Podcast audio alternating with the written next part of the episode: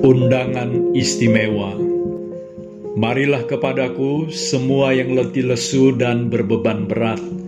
Aku akan memberi kelegaan kepadamu. Matius 11 ayat 28 Membaca atau mendengar ayat ini diperkatakan selalu terasa ada oase yang tak pernah kering di dalam hati ini di tengah padang gurun dunia yang penuh dengan tantangan, ujian, dan godaan kasih, kelembutan, dan kebijaksanaannya yang tiada terkatakan, mendatangkan kesejukan dan selalu menimbulkan pengharapan, khususnya bagi mereka yang sedang letih lesu dan berbeban berat, serta membutuhkan kelepasan di dalam hidup mereka. Marilah kepadaku adalah sebuah undangan yang teramat istimewa buat mereka yang mau mendengar suaranya. Mengapa? Yang pertama, undangan itu datang dari dirinya atau keluar dari mulutnya sendiri, dari pribadi yang kepadanya Allah Bapa telah menyerahkan segala sesuatunya, dari pribadi yang sangat ditinggikan oleh Allah, dan kepadanya dikaruniakan nama di atas segala nama, supaya di dalam namanya bertekuk lutut segala yang ada di langit dan segala yang ada di bumi dan yang ada di bawah bumi, dan segala lidah mengaku bahwa Yesus adalah Tuhan bagi kemuliaan Allah Bapa. Karena itu undangan ini bukan hanya istimewa, melainkan juga sebuah kehormatan. Yang kedua, semua diundang untuk datang kepada dirinya sendiri. Marilah kepadaku. Dia yang empunya segala sesuatu mengundang kita datang kepadanya datang kepada jalan, kebenaran, dan hidup. Jelas, ini sebuah undangan yang dirancang untuk mendatangkan sesuatu yang bernilai dan membahagiakan mereka yang diundang, sebab semua orang membutuhkan jalan, memerlukan kebenaran, dan sudah tentu mengharapkan hidup.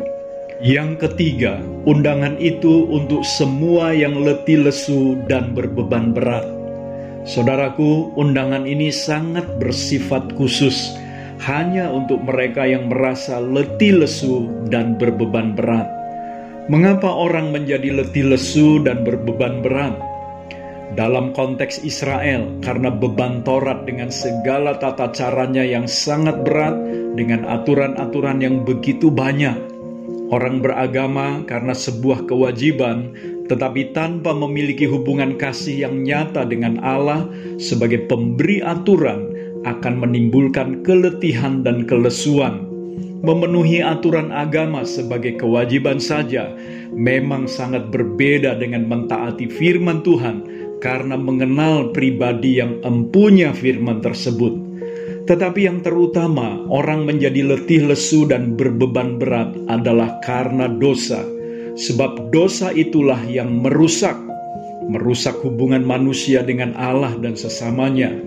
Ketika hubungan-hubungan menjadi rusak dan tidak ada damai sejahtera, maka manusia akan menjadi letih lesu dan berbeban berat. Kalau suami dan istri, orang tua dengan anak-anak rusak hubungannya karena dosa, maka hal itu akan menimbulkan keletihan dan kelesuan serta beban yang berat.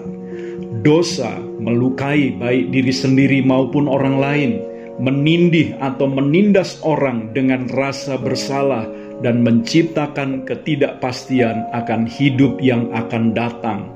Kepada mereka yang merasa bahwa dosanya sudah tidak tertanggungkan dan merasa tidak berdaya dan ingin mengalami kelepasan, undangan ini ditujukan. Yang keempat, Tujuan undangan itu adalah untuk memberi kelegaan kepada mereka yang mau datang kepadanya. Kata kelegaan juga berarti kelepasan, sentosa, menyegarkan. Inilah yang dibutuhkan bagi mereka yang letih lesu dan berbeban berat, kelepasan dari dosa dan kesegaran jiwa karena hidup yang diperbaharui. Saudaraku, ada banyak orang yang tidak menyadari bahwa dirinya sedang ada dalam keadaan yang letih lesu dan berbeban berat karena dosa. Ada sebagian lagi orang yang sengaja menyembunyikan bebannya melalui kesibukannya dalam pekerjaan, dan segala usaha untuk mencapai sesuatu agar mendapatkan kelegaan di dalam jiwanya. Tetapi tidak ada sentosa atau kelegaan bagi jiwa di luar Tuhan. Akhirnya adalah kepentingan kita yang letih lesu dan berbeban berat karena dosa untuk datang kepadanya serta menerima kelegaan daripadanya. Saya Theo Barahama, mari hadirkan sorga di rumah kita untuk memberkati dunia.